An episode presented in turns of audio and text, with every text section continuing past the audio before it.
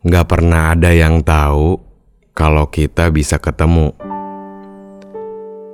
Gak pernah ada yang ngira kalau ternyata kamu bisa jadi tempat untuk cerita.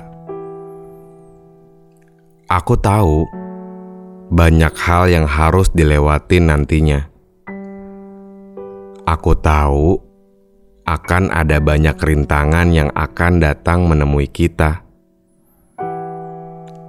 Tapi yang jelas, aku akan terus berusaha supaya kita bisa selalu bersama.